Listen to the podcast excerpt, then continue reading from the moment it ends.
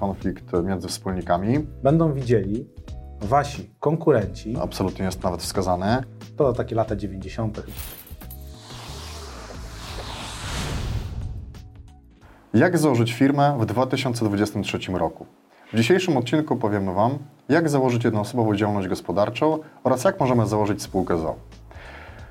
Teraz mamy taką możliwość, żeby założyć jednoosobową działalność gospodarczą. Możemy to zrobić wszystko w systemie internetowym. Wchodzimy na stronkę CEDIK i tam jesteśmy w stanie przeklikać cały formularz, żeby założyć działalność gospodarczą. Żeby natomiast e, jakby zacząć od początku, to Sebastian opowie krok po kroku, co musimy w ogóle przygotować, co musimy wybrać, żeby przygotować się do założenia tej jednoosobowej działalności gospodarczej. Witajcie. Najważniejsze w zakładaniu działalności gospodarczej jest wybór nazwy.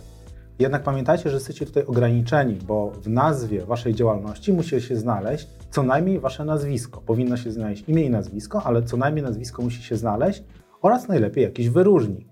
Czyli Jan Kowalski, fotografia. Jan Kowalski, fototex. To takie lata 90. chyba z tymi X-ami, ale często się to jeszcze zdarza. Kolejną rzeczą jest adres. Naszą taką radą jest to, żeby ten adres był inny niż wasz adres domowy. Bo pamiętajcie o tym, że ten adres, który wskażecie zakładając działalność gospodarczą, będą widzieli wasi konkurenci, ale również wasi kontrahenci. I pamiętajcie o tym, żeby rozdzielić życie prywatne od życia biznesowego. Następną rzeczą, która jest bardzo ważna przy zakładaniu działalności, jednoosobowej działalności gospodarczej, jest PKD. Pamiętajcie o tym. Wybierając PKD, pierwsze PKD to musi być wasze PKD główne, czyli tym, czym się zajmujecie przede wszystkim. Pamiętajcie też również o tym, że wybierając PKD możecie wpaść w różne opodatkowanie, różne stawki opodatkowania. Niektóre PKD są opodatkowane ryczałtem 8,5%, inne innymi stawkami, innymi progami e, podatkowymi, o czym będzie mówił za chwilę Marcin. Kolejną bardzo ważną rzeczą jest to, abyśmy wybrali prawidłowy dzień do rozpoczęcia naszej działalności gospodarczej. Najlepsze dni podatkowo, jak również księgowo, to jest między drugim a dziesiątym dniem każdego miesiąca. Marcin, co jeszcze byś powiedział przy zakładaniu jednoosobowej działalności gospodarczej? No, ważne jest to, co powiedziałeś o PKD. To jest polska klasyfikacja tych wszystkich naszych um, możliwości prowadzenia działalności gospodarczej, bo nie wiem, czy każdy nasz widz o tym wie. E, PKD to przede wszystkim jest do celów statystycznych i można sobie zobaczyć tą klasyfikację na stronkach e, GUS-u. Jak piszecie sobie, to w internecie pewno znajdziecie. Natomiast co jest ważne przy działalności gospodarczej, to jest też wybór formy e, opodatkowania. Mamy tutaj zasady ogólne, czyli te 12-32%. Mamy podatek liniowy 19 czy 19%, jeżeli już zaczynamy prowadzić działalność i zaczynamy więcej zarabiać, krótko mówiąc. E, mamy ryczałt, tak jak już wcześniej wspomniałeś, ryczałt przy niektórych PKD absolutnie jest nawet wskazany. Mamy kartę podatkową, to jest jakby kwestia działalności gospodarczej, jaki wybieramy opcję rozliczania się mm, z urzędem skarbowym. Natomiast też kwestia księgowości, nie zapominajmy też o tym. Najprostsza księgowość w działalności gospodarczej to jest księgowość na zasadach ogólnych, czyli zwykła KPR, tak zwana, czyli książka przychodów i rozchodów, a najczęściej stosowana u jednoosobowej działalności gospodarczej. Najłatwiej na niej operować, dlatego też, że możemy sobie też wypłacać pieniądze w gotówce z naszego konta firmowego. Także to są najważniejsze rzeczy. Tak jak już wspomniałeś, nazwa, e, PKD, mm, adres, e, forma, e, wybór formy opodatkowania oraz to, jak rozliczamy się księgowo. Myślę, że jeżeli chodzi o działalność gospodarczą w Polsce, no to tak jak mówiłem, wchodzimy na stronkę CIDG, możemy wszystko zrobić internetowo, przeklikać cały formularz, a na końcu, co jest teraz bardzo fajne i super udogodnieniem, wcześniej było tak, że trzeba było iść podpisać te wszystkie dokumenty do urzędu. Teraz możemy to wszystko na koniec podpisać podpisem e, kwalifikowanym, e, ePUAP-em, przez bankowość internetową, także nie musimy już nigdzie chodzić, nie musimy stać w kolejkach, stać w okienku. Przeklikujemy cały formularz na stronce CIDG, wybieramy wszystkie rzeczy, E, I tak naprawdę podpisujemy podpisem kwalifikowanym czy ePUAP-em i mamy zamknięty temat jednoosobowej działalności gospodarczej w Polsce. Myślę, że to jest jednak teraz mega ułatwienie i myślę, że teraz warto już przejść do tego, jak można założyć spółkę ZO w Polsce.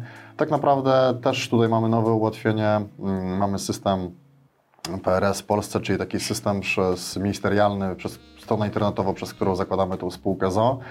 Jakie mamy tutaj dwie różnice? Pierwsza jest taka, że jeżeli zakładamy to w tak zwane S24 spółki internetowe, e, to mamy konkretne wzory umów. Natomiast jeżeli chcemy zmienić jakieś rzeczy w naszej umowie spółki ZO, no to pamiętajmy o tym, że to jest bardzo istotne pod kątem tego, że kiedyś może być jakiś konflikt między wspólnikami e, i zaraz do tego dojdę.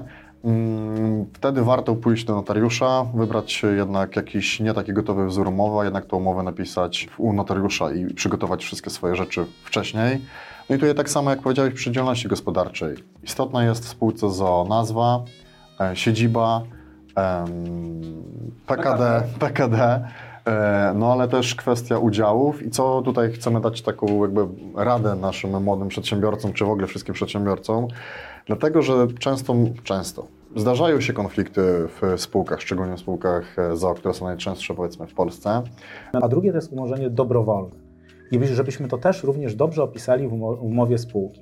Bo ile umorzenie dobrowolne to jest umorzenie, na które zgadzają się wszyscy wspólnicy lub jeden ze wspólników, który chce wyjść ze spółki, to umorzenie przymusowe, o którym Marcin tu nam przed chwilą wspominał, jest takim umorzeniem, można powiedzieć, e, no bardzo e, ciężkim dla wspólnika, bo w tej umowie spółki musimy zapisać wszystkie przyczyny, dla jakich możemy umorzyć danego wspólnika. Więc zastanówmy się, czy będzie to zakaz konkurencji, czy będą to inne rzeczy, które w tej umowie zawrzemy. Zawsze y, zawierajmy w umowie, pomyślmy, co będziemy robili w naszym biznesie i co musimy zawrzeć, żeby nasz wspólnik nie był naszą konkurencją. Bo jeżeli się stanie tą naszą konkurencją, to będziemy mogli go przymusowo umorzyć. Marcinie, co byś jeszcze powiedział?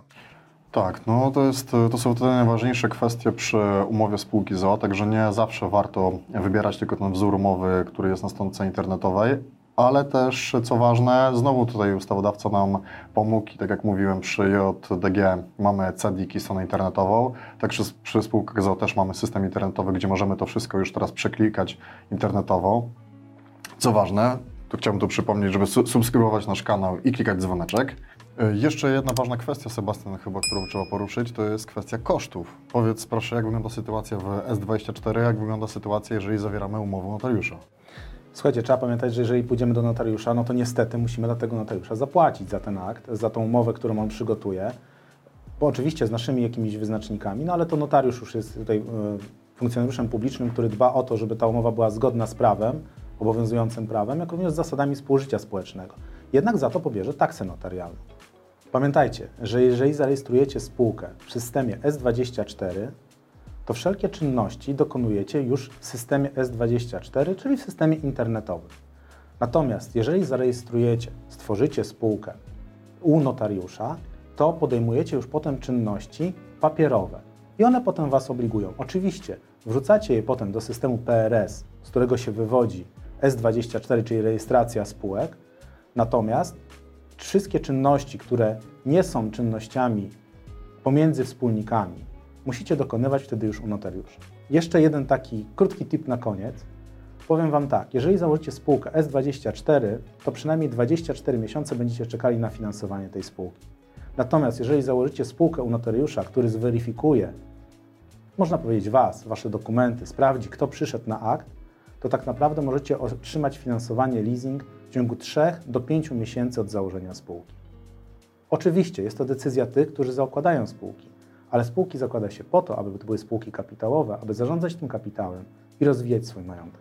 Okej, super Sebastian za tą poradę, dziękuję Ci. No i cóż, dziękujemy i pozdrawiamy. Dziękuję, pozdrawiamy.